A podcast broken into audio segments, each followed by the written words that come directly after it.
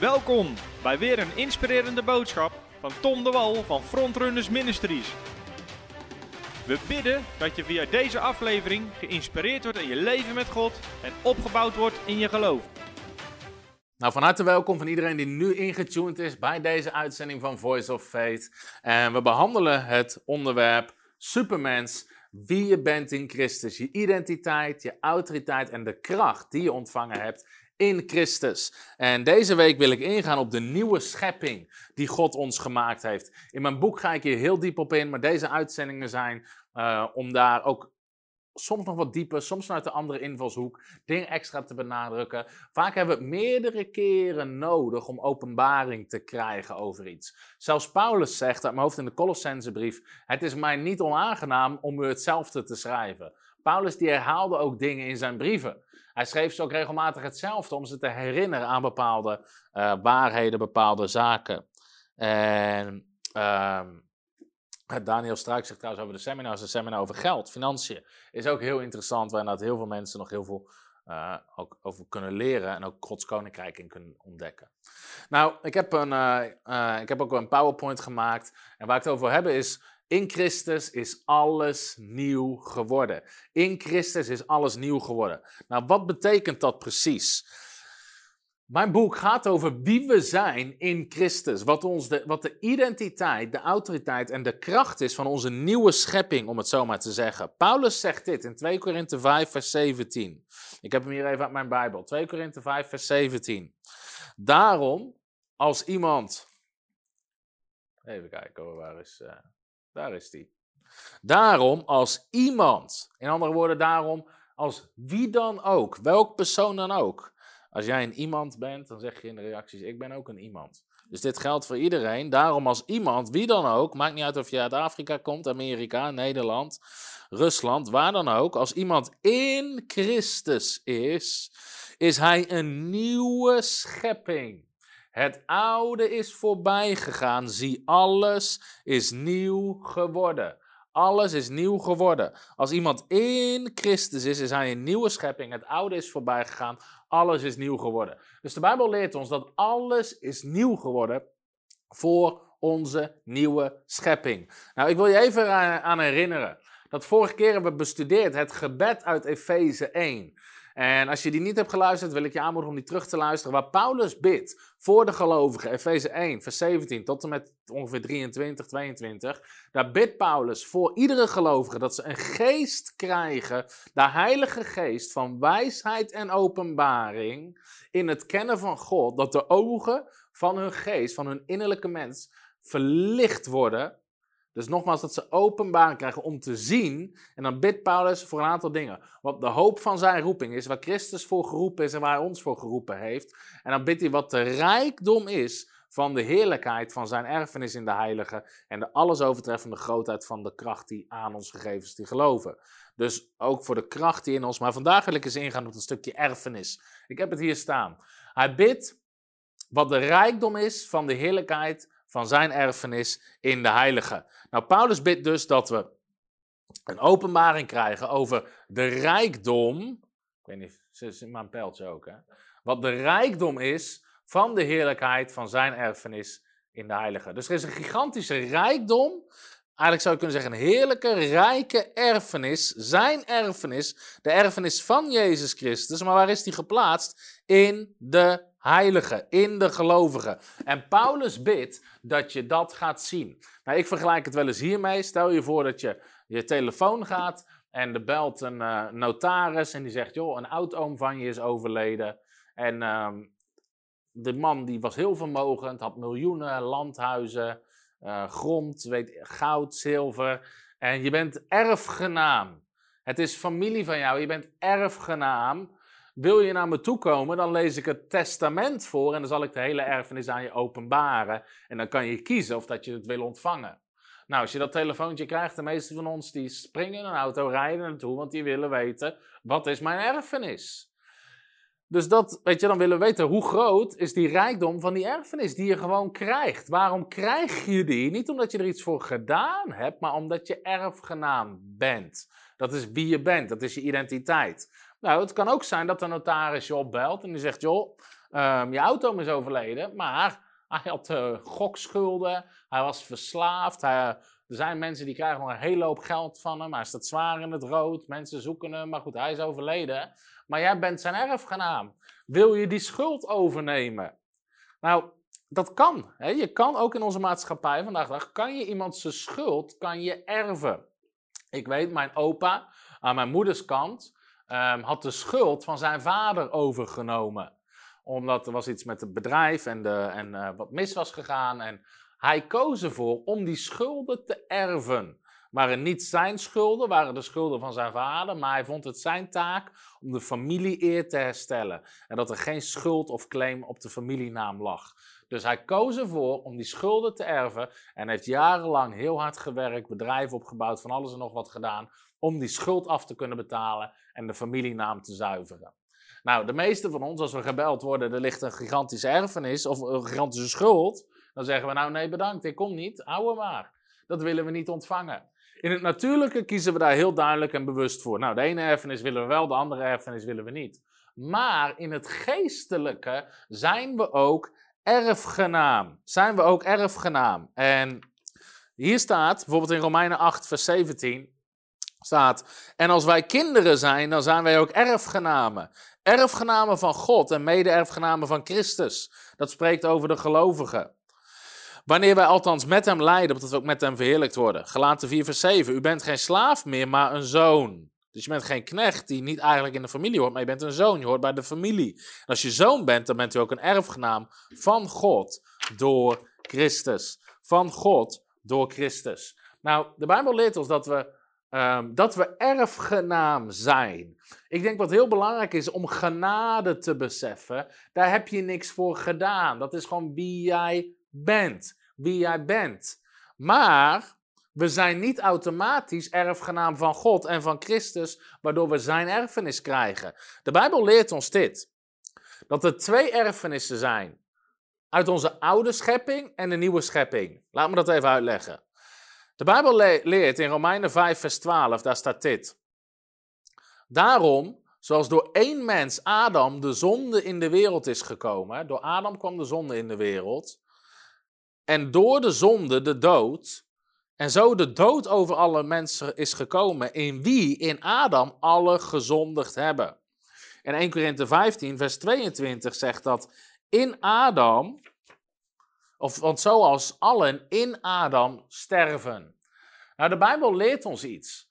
Namelijk dat we, ieder mens komt uit Adam voort, zou je kunnen zeggen.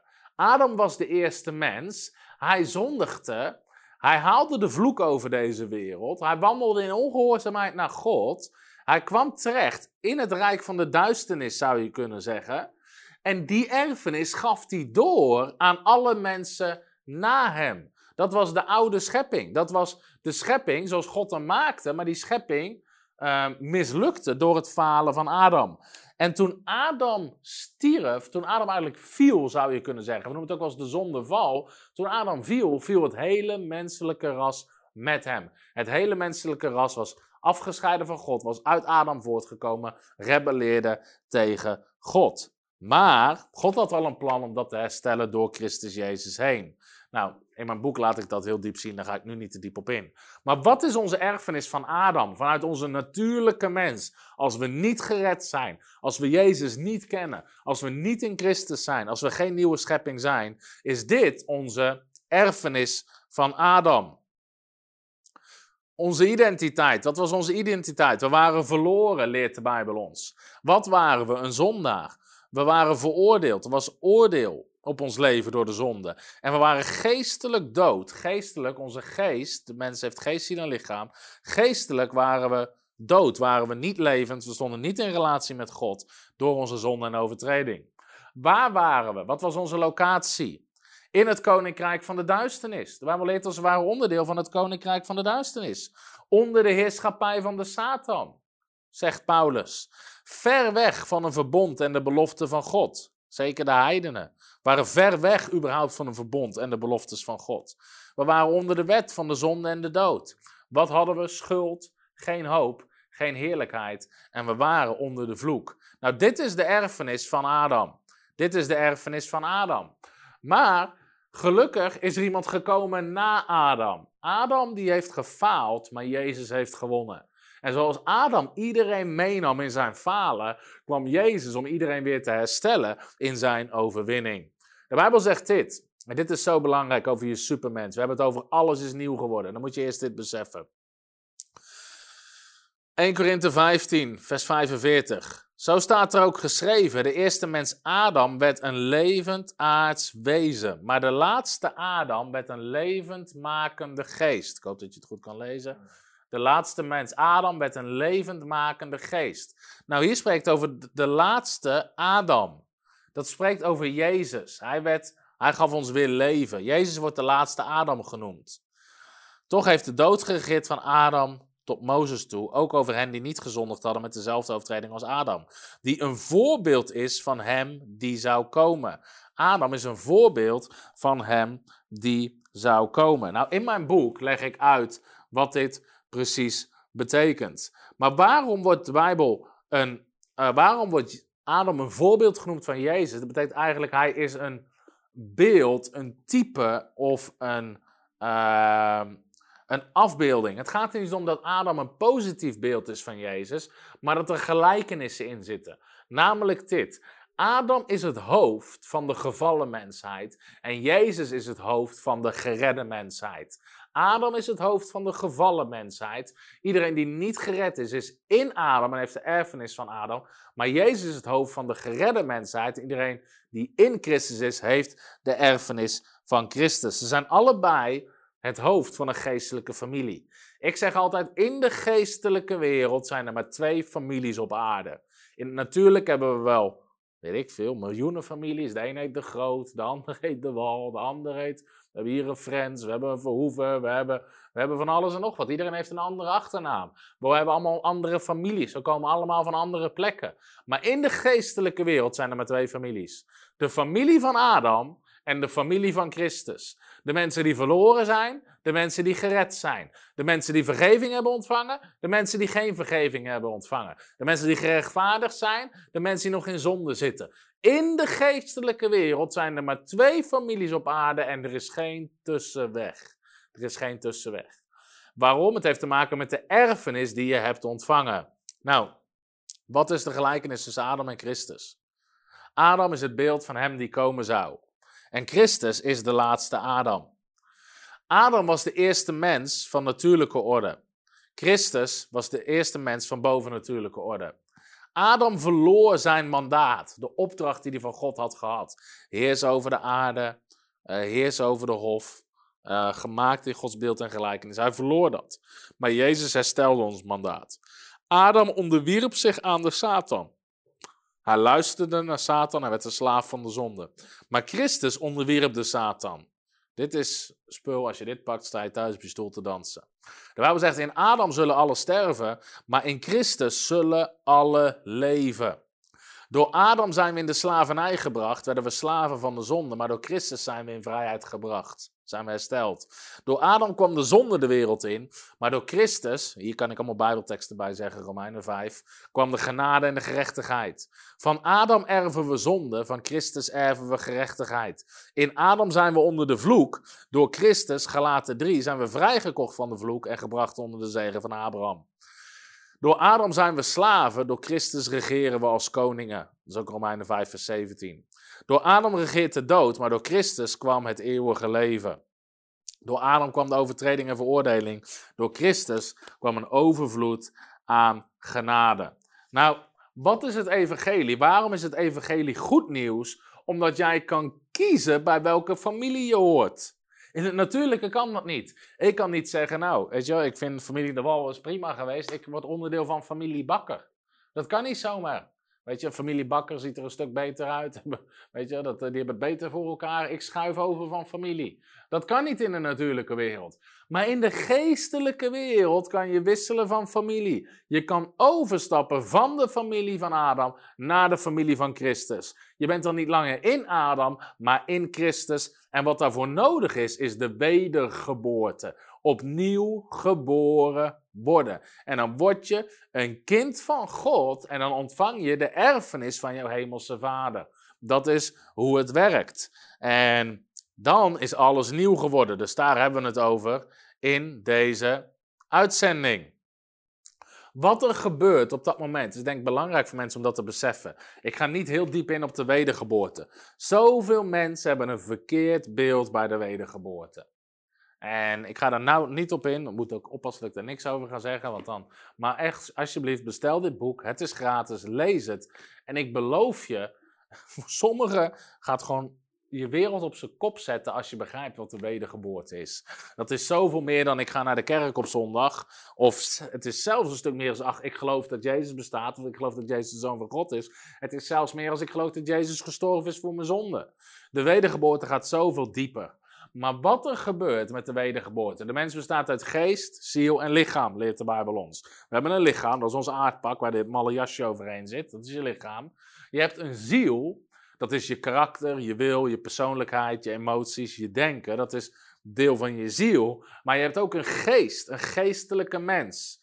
En met, jou, met jouw ziel zou je kunnen zeggen, sta je in contact met de natuurlijke wereld, met de mensen om je heen, wat hier gebeurt. Maar met jouw geest sta je in contact met de geestelijke wereld.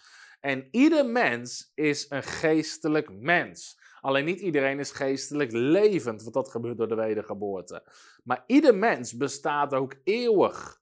Alleen je kiest zelf waar je die eeuwigheid doorbrengt, bij God of zonder God. Maar ieder mens is een geestelijk wezen. Denk er maar over na. In Genesis hoofdstuk 2 staat dat God vormde het lichaam van de mens. Genesis 2 vers 7 uit mijn hoofd. Dus God vormde ons lichaam. Moet je eens even over nadenken. God zat als een soort uh, kunstenaar, maakte die ons lichaam. Hij maakte je handen, je, je, zelfs je vingerafdrukken, je armen, je haren, je ogen. Alles maakte God. Hij maakte ook je ingewanden, je bloed, je hart, je longen, je leven, je nieren, um, je hersenen. Alles was daar gemaakt en dat menselijk lichaam lag daar op de grond. En toch leefde het niet. Toch leefde het niet. Al die onderdelen zaten daarin, maar het menselijk lichaam leefde niet. Pas toen God zijn levensadem in de mens blies, kwam de mens tot leven. Op dat moment werd er een ziel en een geest in de mens gevormd. En de mens was een geestelijk wezen, gemaakt in het beeld en gelijkenis van God. Ook vandaag de dag. Soms Misschien als iemand sterft, kan je naar die persoon kijken, kan je naar het lichaam kijken van diegene die gestorven is. En dat hele lichaam is compleet. Hij heeft zijn handen, zijn voeten, zijn benen, alle ingewanden, zijn hart. Soms zelfs jonge mensen, weet je wel. Het is niet versleten, er, is niks meer aan de hand, maar mensen, uh, soms krijgen mensen een hartaanval en sterven. Verder, dat lichaam is helemaal perfect, maar toch doet het niks. Het is als een auto zonder bestuurder erin, omdat die geest het lichaam verlaten heeft. Nou, die geest, wat er gebeurt met de wedergeboorte, is dat onze geest wordt levend gemaakt, zegt de Bijbel. Die was dood in zonde en overtredingen. Efeze 2, vers 1. Efeze 2, vers 1. En als je vragen hebt aan het eind, zal ik ze beantwoorden. Efeze 2, vers 1. Ook u heeft hij met hem levend gemaakt. Mag ik de dier? Ja. Ook u heeft hij met hem levend gemaakt u die dood was door de overtredingen en de zonde. Hij heeft ons met hem, met Christus. Nou, in mijn boek ga ik daar heel diep op in, wat dat betekent met Christus. Want je bent dus met Christus levend gemaakt. Terwijl wij dood waren in overtredingen en zonde. Nou, wat was er dood? Niet onze ziel. Voordat jij Jezus kende, voordat je wedergeboren was, functioneerde jouw ziel. Je had een karakter, een wil, een denken, een persoonlijkheid. Al die emoties, al die dingen waren er. Die waren niet dood. Ook niet jouw lichaam. Jouw lichaam was ook niet dood. Wat was dood, was onze geest. Dat was hetgene wat dood was, wat niet leefde. Nou, als we even teruggaan naar 2 Korinthe 5, vers 17. Ik ga hem even uit mijn hoofd doen. Maar wat Paulus zegt, als iemand in Christus is, is hij een nieuwe schepping. Het oude is voorbij gegaan en alles is nieuw geworden. Wat is dat alles is nieuw geworden? Dat gaat niet over je lichaam. Het is niet zo dat als je ehm, op het moment dat je Jezus aanneemt, heb je grijze korte haren en nu word je wedergeboren en nu heb je blonde krullen van een meter. Dat is niet wat nieuw wordt. Jouw lichaam wordt niet nieuw. Jouw lichaam kan genezing ontvangen, daar heb ik het over in Jezus aanraken. Ook jouw ziel wordt niet nieuw. Als je kampt met minderwaardigheid, kunnen mensen daarna nog steeds kampen met minderwaardigheid. Maar ook je karakter, je wil, je persoonlijkheid, je denken, je emoties. Al die dingen blijven hetzelfde. Die kunnen veranderen, want onze ziel die kan beschadigd raken, maar die kan ook hersteld worden, genezen worden. Maar wat, wat is alles is nieuw geworden? Jouw geestelijke mens. In jouw geest is alles nieuw geworden. Het oude is voorbij gegaan, alles is nieuw geworden. En die geestelijke mens heeft de identiteit, de autoriteit en de kracht van Christus. Want die is met hem, die is met Christus levend gemaakt. Die is in Christus. Christus is in jou komen wonen. Jezus zelf leeft in jou. Sommige mensen moeten meer gaan denken van zichzelf, want Jezus woont in jou. Het is tijd dat het klaar is met christen zeggen: Ik ben niks, ik kan niks, ik hoef niks, ik mag niks. Nee, Jezus zelf, de Zoon van God, woont in jou. Colossense 1, vers 27. Dat Christus in u leeft, dat is het grote geheimenis. Christus zelf woont in jou. En met Christus, zegt de Bijbel, je vermacht alle dingen door hem, die hem, door, door hem die je kracht geeft. Je vermacht alle dingen in Christus. Het is Christus zelf die in jou woont en die door jou heen wil schijnen. En daarom moet je niet te min denken van jezelf, want Christus woont in jou. De Zoon van God woont in jou. Jij bent een koningskind, je bent een erfgenaam. Jouw vader heeft hemel en aarde gemaakt. Dus het is tijd dat het klaar is met die minderwaardigheid van allerlei mensen. Je, je mag en je hoort nederig te zijn, maar dat is iets anders dan minderwaardig zijn. Nederigheid is niet minder van jezelf denken, het is minder aan jezelf denken. Maar mensen die zeggen, maar ik heb niks, ik kan niks en ik ben niks, dat is geen nederigheid, het is hoogmoed. Want je zegt iets anders dan wat God zegt over jou. Want God zegt, je bent een nieuwe schepping, je bent een kind van God, je bent een koningskind, je hebt autoriteit gekregen, je bent een nieuwe schepping, je bent vergeven, gerechtvaardigd, geheiligd, je bent mijn erfgenaam. Dat is wat God zegt over jou. En nederigheid zegt, dat is waar, amen, ik ontvang het, al Gods beloftes zijn waar, zijn ja en amen in Christus, dat is wie ik ben en ik ga mijn licht laten laten schijnen. Dat is het beeld wat we moeten hebben van onszelf. En dat is een goed woord. Amen. Die kunnen we heel mooi voor one minute eruit knippen. Maar ik denk dat die langer was dan one minute. Oké, onze geest wordt wedergeboren. Efeze 2, vers 6 zegt: En hij heeft ons met hem opgewekt en met hem in de hemelse gewesten gezet in Christus Jezus. Dus in de geestelijke wereld zijn wij met Christus levend gemaakt, maar ook met Christus in de hemelse gewesten gezet. In Christus Jezus. Waar zit Jezus? Efeze 1 leert ons, hij zit aan de rechterhand van God. Hij is verheven ver boven alle overheid en macht en kracht en heerschappij en iedere naam die genoemd wordt. Ik ga je dit laten zien uit het woord, want sommige mensen moeten dit meerdere keren zien, horen, ruiken, voelen, proeven. Laat ze iemand tegen mij, je spreekt te snel. Op YouTube zit een optie dat je verlangzaamd kan afspelen. Als je op die drie puntjes bovenin drukt, dan kan je kiezen op 0,75. Dan duurt de preek wel 25% langer.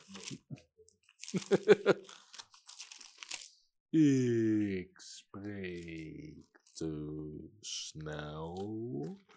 Kennen jullie Finding Nemo, terwijl ik mijn tekst zoek? In Finding Nemo had je toch die walvis high. Spreek jij walvistaal? Oké, dat even tussendoor, even voor de grap. Jongens, waar is mijn Efezebrief? Ik zit gewoon te bladeren zonder dat ik goed op zit te letten. Terwijl ik walvistaal aan het spreken ben. Oké, hier is die Galaten, Efeze. Oké, kijk, Paulus bidt voor die geest van wijsheid en openbaring in het kennen van Christus. Dat de ogen van ons hart staat er eigenlijk. Dat is betere vertaling dan verstand. Dat de ogen van ons hart verlicht worden, openbaring ontvangen. Om te weten wat de hoop van zijn roeping is, waar Christus jou voor geroepen is. Wat de rijkdom is van zijn heerlijkheid, van, van de heerlijkheid van zijn erfenis in de heilige. Daar hebben we het over. Dat we zien wat de erfenis is in de heilige. En wat de alles overtreffende grootheid is van zijn kracht aan of in ons die geloven. Hoe groot de alles overtreffende kracht is. Ik wil gewoon dat je dit thuis, zeg dit maar eens hardop. De kracht die in mij is, is alles overtreffend. Ik heb alles overtreffende kracht gekregen. Aan ons, in ons die geloven, overeenkomstig de werking van de sterkte van zijn macht. Die hij gewerkt heeft in Christus toen hij hem uit de doden opwekte. En aan zijn rechterhand zette in de hemelse gewesten. Waar is Christus? Nadat hij uit de doden is opgewekt, zit aan de rechterhand van God in de hemelse gewesten. Waar zit hij? Ver boven alle overheid en macht en kracht en heerschappij en elke naam die genoemd wordt. Niet alleen in deze wereld, maar ook in de komende. Waar zit Jezus? Ver boven alle overheid en macht en kracht en heerschappij en elke naam. Al die macht, al die duisternis. Jezus zit er ver boven en hij heeft alle dingen aan zijn voeten onderworpen en hem als hoofd over alle dingen gegeven aan de gemeente. Dat zijn wij. Die zijn lichaam is in de vervulling van hem die, alle, van hem die alles en alle vervult. Vers 6 staat ernaast. En hij heeft ons met hem opgewekt en met hem in de hemelse gewesten gezet in Christus. Waar zit Christus? Hier zie je het op één pagina. Ver boven alle overheid en macht en kracht en heerschappij. Aan de rechterhand van God. En jij bent gezeten met hem in de hemelse gewesten. Dus waar zit jij? Ver boven iedere overheid en macht en kracht en heerschappij en iedere naam die genoemd wordt. Dat is niet alleen de positie van Christus, dat is de positie van jou, want jij bent in Christus gezeten aan de rechterhand van God. En dat is iets wat mensen moeten weten. Uh, ja, in dit gebied zit een religieuze geest, die houdt het hele gebied in zijn grip. Kap met die religieuze geest. Weet je waar dat ding zit? Ver onder jouw voeten. Want jij bent gezeten met Christus, ver boven alle overheid en macht. Je hoeft, niet tegen die dingen op te kijken, je moet op ze neerkijken. Waarom? Dat is jouw positie in Christus. Dat is de positie van jouw nieuwe schepping. Dat is jouw realiteit. Amen. Dit is wat de wedergeboren doet. Dit is even iets wat je even kan lezen, wat ik voor zal lezen.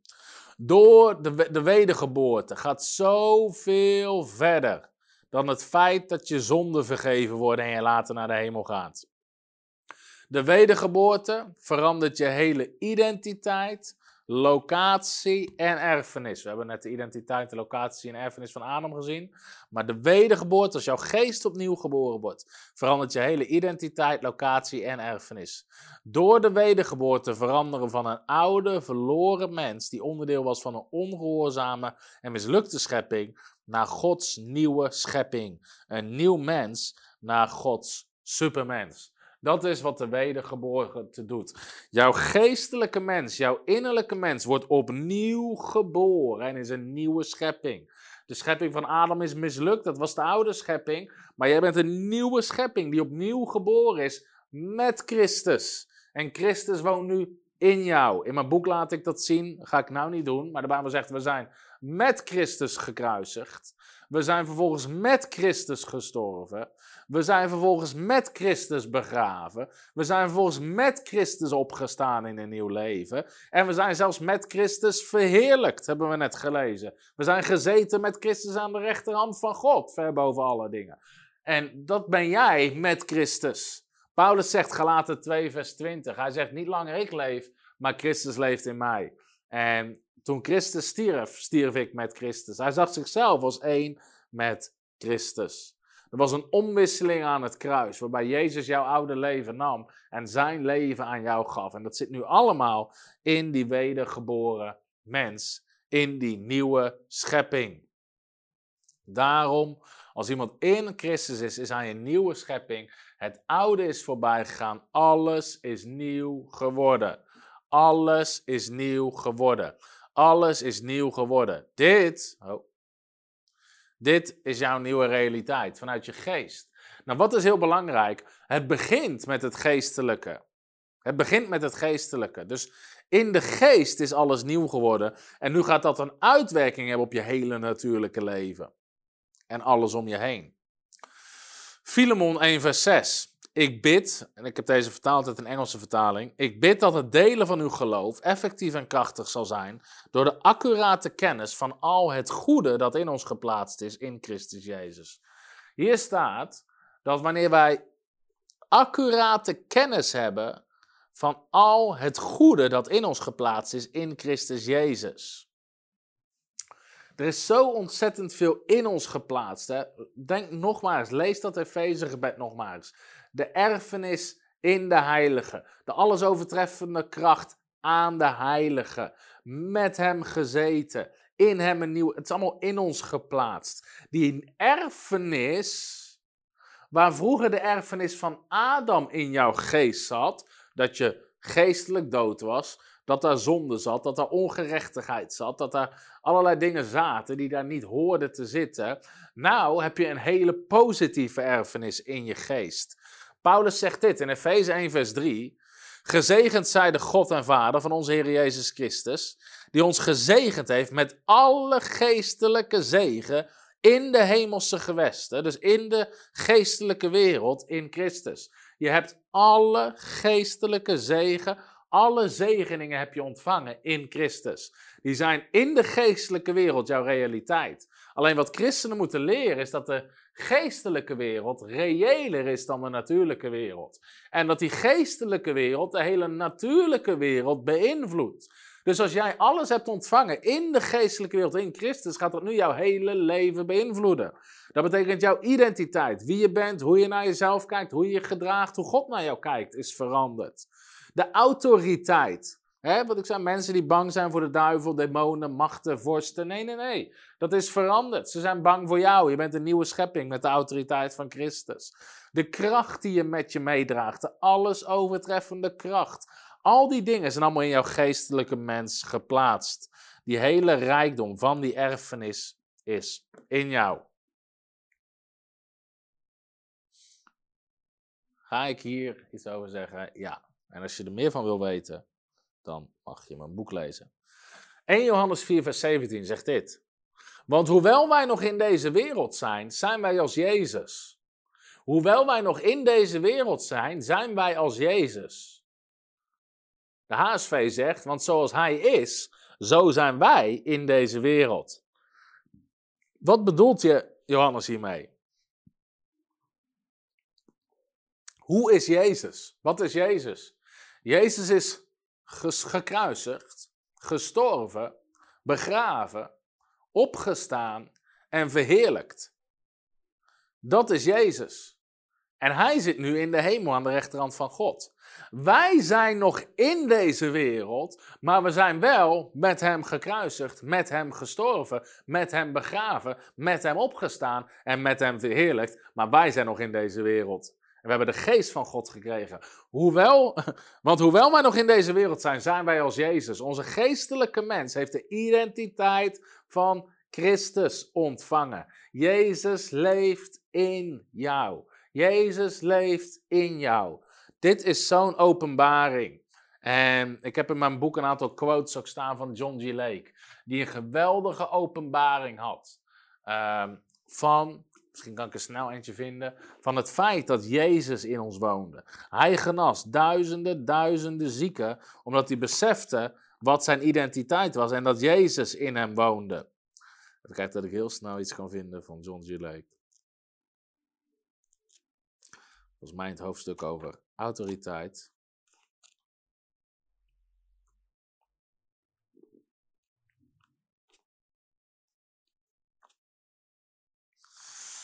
Misschien niet. Misschien kan ik het niet zo snel vinden. Maar goed, daarom moet je boeken lezen. maar John G. Lake had een geweldige openbaring over het feit dat Jezus in ons woont. In ons woont. En daarom kan jij zieken genezen. Ja, nee, nee, nee, dat kan ik niet hoor. Jij kan het wel, want Jezus woont in jou. Het is Jezus die het door jou heen doet. Als zodra de demonen beginnen te manifesteren of er is bevrijding nodig, heel veel christenen stappen achteruit. Die denken, oeh, wat is dat? Iemand begint te schreeuwen, manifestaties. Sommige mensen lopen de zaal uit. Maar Jezus leeft in jou. En die wil die persoon helpen om vrij te komen. Weet je, Jezus woont in jou. Jezus leeft in jou. Dat is de openbaring van de nieuwe schepping. Wij hebben, voor sommige mensen klinken dit soort dingen zelfs spottend. Als je zo'n tekst leest, dat 1 Johannes 4, vers 17. Veel kerken zouden hier moeite mee hebben. Mag je hier niet over preken? Uh, ja, je kan toch niet zeggen dat uh, wij zijn uh, zoals Jezus in deze wereld? Eh, jij hoeft het niet te zeggen, God heeft het gezegd. Je hoeft het alleen maar te herhalen. Hoewel wij nog in deze wereld zijn, zijn we als Jezus. Vorige keer heb ik gekeken naar al die teksten. Waar Jezus zegt, zoals de Vader mij gezonden heeft, zo zend ik jullie. Je zal dezelfde wonderen doen als mij en nog grotere. Tekst na tekst na tekst. Oké. Sommige kerken zou dit spottend klinken, maar de Bijbel zegt: wij hebben de goddelijke natuur. Wij hebben Gods natuur ontvangen. 2 Petrus 1, vers 4. Daardoor heeft hij ons grootste en kostbare beloftes geschonken, opdat u daardoor deel zou krijgen aan de goddelijke natuur. Nadat u het verderf dat er door de begeerte in de wereld is, ontvlucht bent. Wij hebben deel gekregen aan een goddelijke natuur. Onze natuur, onze, ja, hoe moet je zeggen, ons DNA, onze identiteit is niet langer menselijk, maar is goddelijk. Van onze geest. Ik ga even kijken of ik ga even iets verder. Uh, waar staat dat? Ja, ik ga hier alvast even heen. Wat moeten we beseffen? Efeze 4, vers 24 zegt: En dat u bekleedt met de nieuwe mens, die nieuwe schepping, die overeenkomstig het beeld van God geschapen is. In ware rechtvaardigheid en heiligheid. Als je hier vragen over hebt, zal ik straks beantwoorden. Maar wat staat hier? Die nieuwe mens, die nieuwe schepping, is gemaakt naar het beeld van God. Is gemaakt naar het beeld van God. Um, Adam was gemaakt, de mens werd gemaakt in Gods beeld en Gods gelijkenis. Maar Adam raakte het kwijt. Waarom hij zondigde en hij, hij, het jaar raakte het beeld van God kwijt. Maar onze nieuwe mens is weer gemaakt in het beeld en gelijkenis van God. En heeft die goddelijke natuur ontvangen. Oké, hoe ziet dat eruit? Even kort, even snel. Als hier vragen over zijn, hoor ik het wel. Ten eerste, jij bent vergeven en jouw zonden zijn vergeten. De Bijbel zegt in Efeze 4, vers 32, zoals God u in Christus vergeven heeft. God heeft ons in Christus vergeven. Colossense 1, vers 14. In hem, in Christus, hebben wij de verlossing door zijn bloed. Jezus, zijn bloed is gevloeid voor ons, onschuldig bloed voor ons. In mijn boek leg ik helemaal uit ook wat er gebeurt in de geestelijke gewesten, hoe dat precies werkt, maar daar heb nu niet de tijd voor. Namelijk de vergeving van de zonde. Je zonden zijn vergeven. Hebreeën 8, vers 12. Ik zal hun wandaden vergeven en aan hun zonde zal ik niet meer denken. En dit is natuurlijk de bekende grap van Mark Rutte. Hij herinnert het zich niet meer. En dat zegt ook, God zegt, ik denk er niet meer aan. Ik denk er niet meer aan. Dus dit is het ding, als God naar jou kijkt, God denkt niet aan jouw zonde. God denkt er niet eens aan. Veel mensen denken er zelf constant aan. Uh, ja, ik ben, ik ben en blijf toch een geredde zondaar. Nee, nee. Je bent of gered of een zondaar. Maar als je een zondaar bent, dan ben je nog in adem. Maar als je gered bent, ben je een nieuwe schepping, een kind van God. Je bent vergeven en God denkt er niet meer aan. Zondaar is niet meer jouw identiteit. In Christus is jouw identiteit. Nieuwe schepping is jouw identiteit. Alles is nieuw geworden is jouw identiteit. En het oude is voorbij gegaan. Dat is jouw identiteit. Niet langer zondaar. Je zonden zijn vergeven en vergeten. God zegt, ik denk er niet meer aan. Waar zijn ze dan, zeggen sommige mensen? Ze zijn door Jezus gedragen. 2 Korinthe 5, vers 21. Want hem die geen zonde gekend heeft, heeft hij voor ons zonde gemaakt. Jezus heeft die zonde gedragen. En waarom zegt in Colossense 2, vers 13. Toen u dood was in de overtreding en het onbesneden zijn van uw vlees, heeft hij u samen met hem levend gemaakt door al uw overtredingen. Even ver inzoomen voor mensen al uw overtredingen, allemaal, iedereen zegt allemaal, door al uw overtredingen te vergeven. En het handschrift dat tegen ons getuigde, er was een aanklacht, aanklacht tegen ons uit te wissen. Dat is weggehaald. Dit handschrift was met zijn bepalingen tegen ons gericht en hij heeft het uit het midden weggenomen en aan het kruis genageld. Dat is aan het kruis genageld en uitgewist. En daardoor zegt de Bijbel, op grond van die wil zijn wij geheiligd door het offer van het lichaam van Christus eens en voor altijd gebracht. Want met één offer heeft hij hen die geheiligd worden tot een eeuwigheid volmaakt. Voor eens en voor altijd. Jouw zonden zijn vergeven die je in het verleden hebt gedaan en de zonden die je Ook al doe je ze per ongeluk nog in de toekomst. Ze zijn allemaal vergeven. Voor eens en altijd heeft Jezus het offer gebracht. En voor eens en altijd zijn we tot in eeuwigheid volmaakt door zijn offer. De Bijbel noemt ons letterlijk volmaakt in Christus. Volmaakt in Christus. Dat is de identiteit van jouw nieuwe mens. Nou, dat is goed nieuws. We zijn niet alleen vergeven, want sommigen zeggen, maar hoe kan dat dan? Is het dan toch opnieuw zondig? Nee, je bent ook gerechtvaardigd. Romeinen 5 vers 1. Wij zijn dan gerechtvaardigd uit het geloof. God heeft niet alleen je zonde vergeven, je bent rechtvaardig verklaard.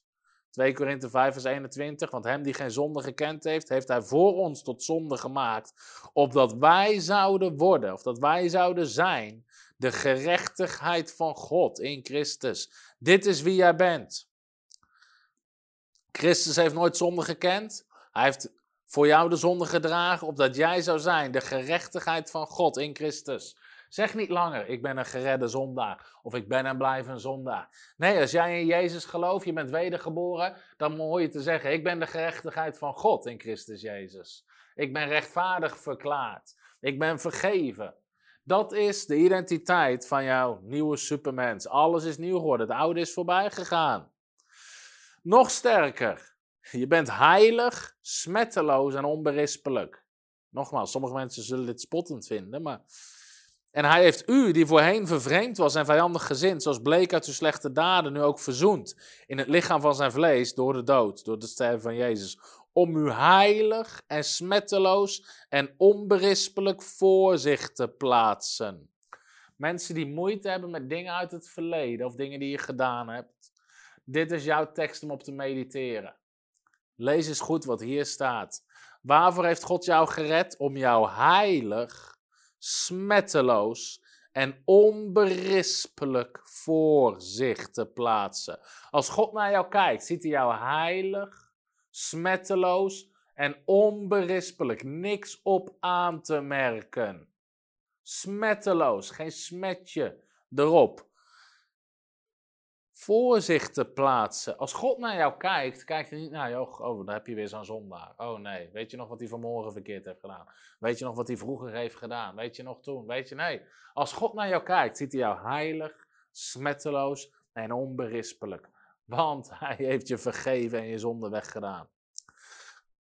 Wij zijn, hier zet nog een tekst, smetteloos voor hem. Smetteloos voor hem.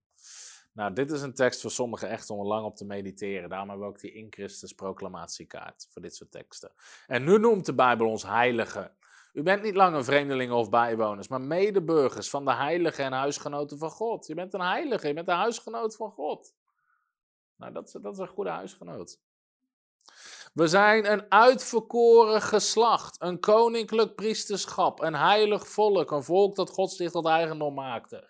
Kap met ik ben een zondaar. Je bent een uitverkoren geslacht. Je bent een koninklijk priesterschap. Je bent onderdeel van een heilig volk. Een volk wat God zich tot eigendom maakte.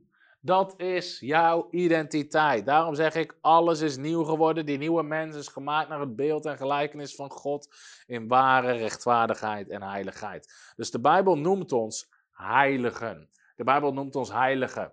Nou, even heel snel. Dit is dus onze identiteit, onze nieuwe mens. Man, die is helemaal schoon, vergeven, gerechtvaardigd, heilig, smetteloos, onberispelijk. De Bijbel zegt, er is geen veroordeling voor hen die in Christus Jezus zijn. Die nieuwe mens is een supermens met een schone identiteit. Niet alleen een schone identiteit, de identiteit van Christus. Je hebt de rechtvaardigheid van Christus ontvangen, de heiligheid van Christus ontvangen, de smetteloosheid van Christus ontvangen, de onberispelijkheid van Christus ontvangen. Dat is jouw geestelijke mens en er is geen veroordeling meer voor. Alles is nieuw geworden. Denk niet langer aan het verleden. Stop zelfs met dingen waarvan ik, ja, maar misschien gaat het in de toekomst nog fout. Je bent gerechtvaardigd en nu kan je een nieuw leven gaan leiden. Daarom was de titel ook van deze uitzending. Alles is nieuw geworden. Het oude is voorbij gegaan. Dit is zo'n belangrijk fundament. Beseffen wat de wedergeboorte is. En eigenlijk wat die nieuwe mens, wat die identiteit is. De wedergeboorte ben ik nog niet eens heel diep op ingegaan. Nou, als je dit beseft, wanneer je dit beseft, nu kan je weer gaan regeren in het leven. Ook dat is een term die je in heel veel kerken niet hoort. Want ze zeggen, nou, regeren, stil maar, wacht maar. En jij in jouw kleine hoekje. En weet je wel, en we moeten, nee, nee. De Bijbel zegt, we zijn gemaakt om te regeren. Genesis 1, vers 6, ik ga je uitleggen wat ik ermee bedoel. Maar Genesis 1, vers 26 zegt, we zijn gemaakt in het beeld en gelijkenis van God. En zegt God, heers over de aarde, regeer over de aarde. God gaf de mens heerschappij. Adam raakte zijn heerschappij kwijt, want hij gehoorzaamde de duivel. En nu had de duivel heerschappij over hem. Maar die nieuwe mens is gezeten met Christus, ver boven de elke overheid en macht. En je bent geen zondaar meer, je bent rechtvaardig verklaard en gemaakt in het beeld en gelijkenis van God. Dus nu kan je gaan regeren. Wat betekent dat? Heel veel mensen regeren niet in hun leven.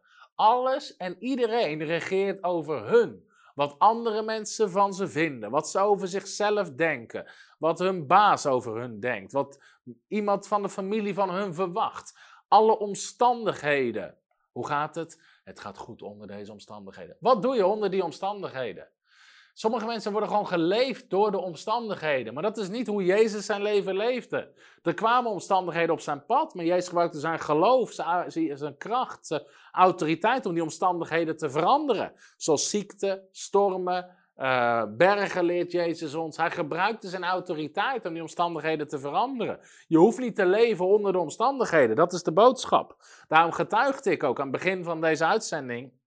Voor de mensen die via YouTube kijken, hebben dat niet meegekregen. Maar ik las een mail voor van iemand die een tumor, een kanker in zijn been had. Die de spieren zelfs had, had beschadigd. Die waren er niet meer.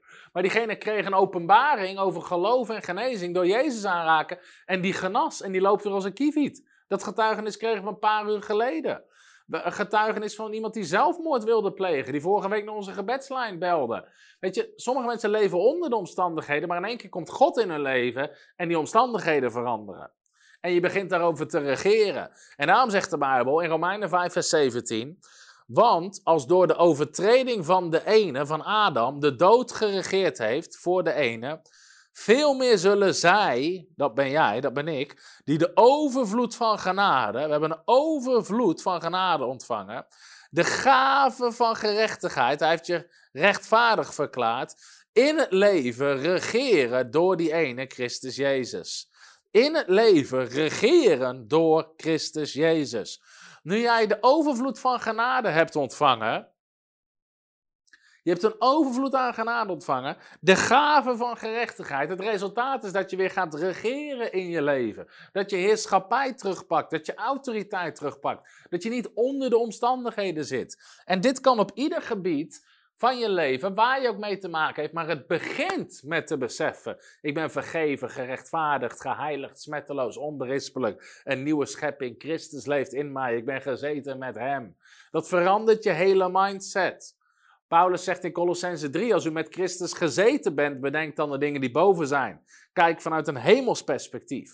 En Daniel die reageerde al in de chat, maar Daniel en Tamara zijn een schitterend voorbeeld van mensen die op onze bijbelschool kwamen. Ze zaten eigenlijk onder de omstandigheden en, uh, en om financiële lasten en schulden. Maar ze hoorden gewoon deze waarheden van het evangelie. En Gods principes om in de zegen te leven. De kracht van tiende geven en daardoor onder de zegen komen.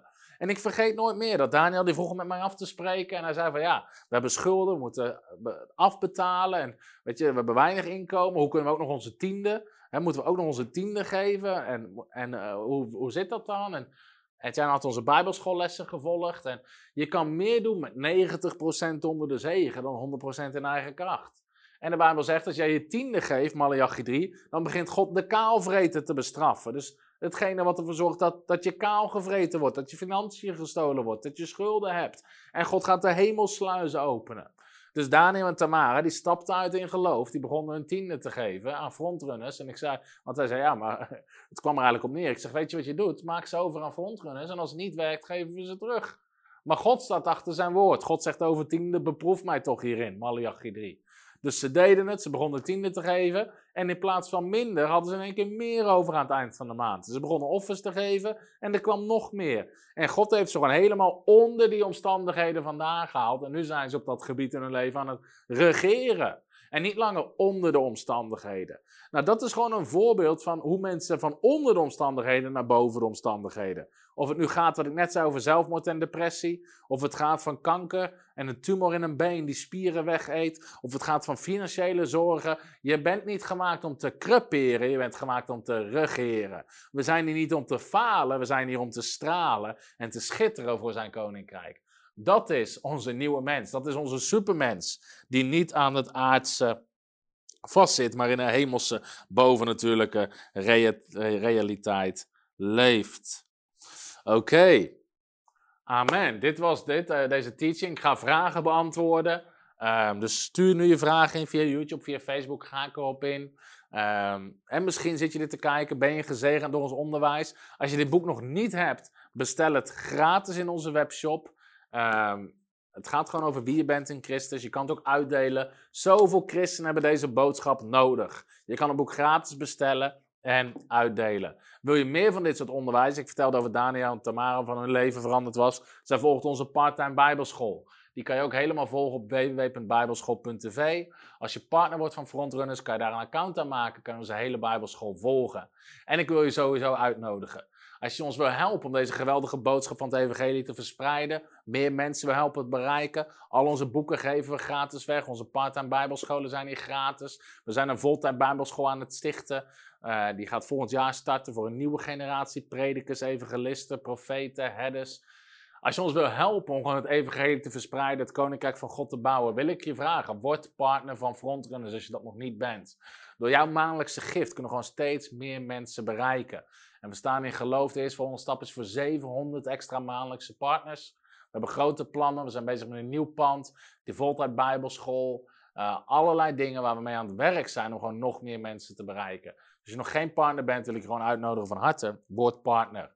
En je kan natuurlijk ook gewoon een eenmalige gift geven. Ook als je een specifieke gift wil geven voor grotere gift voor het gebouw. Je kan je tiende geven.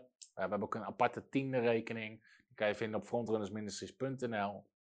Um, maar dan kan je ook uh, daaraan geven als je dat wil. Je kan de QR-code scannen of ga naar www.frontrunnersministries.nl slash partners. En als je partner wordt, krijg je de gave hardcover editie. Ik heb hem hier niet bij de hand, maar we hebben nog een hardcover uh, met luxe leeslinten. Gewoon om je te bedanken van Supermens. Oké. Heb je ook zo genoten van deze inspirerende boodschap van Tom de Wal? Abonneer je dan op deze podcast Volg ons op Facebook en op Instagram en kijk op onze website frontrunnersministries.nl.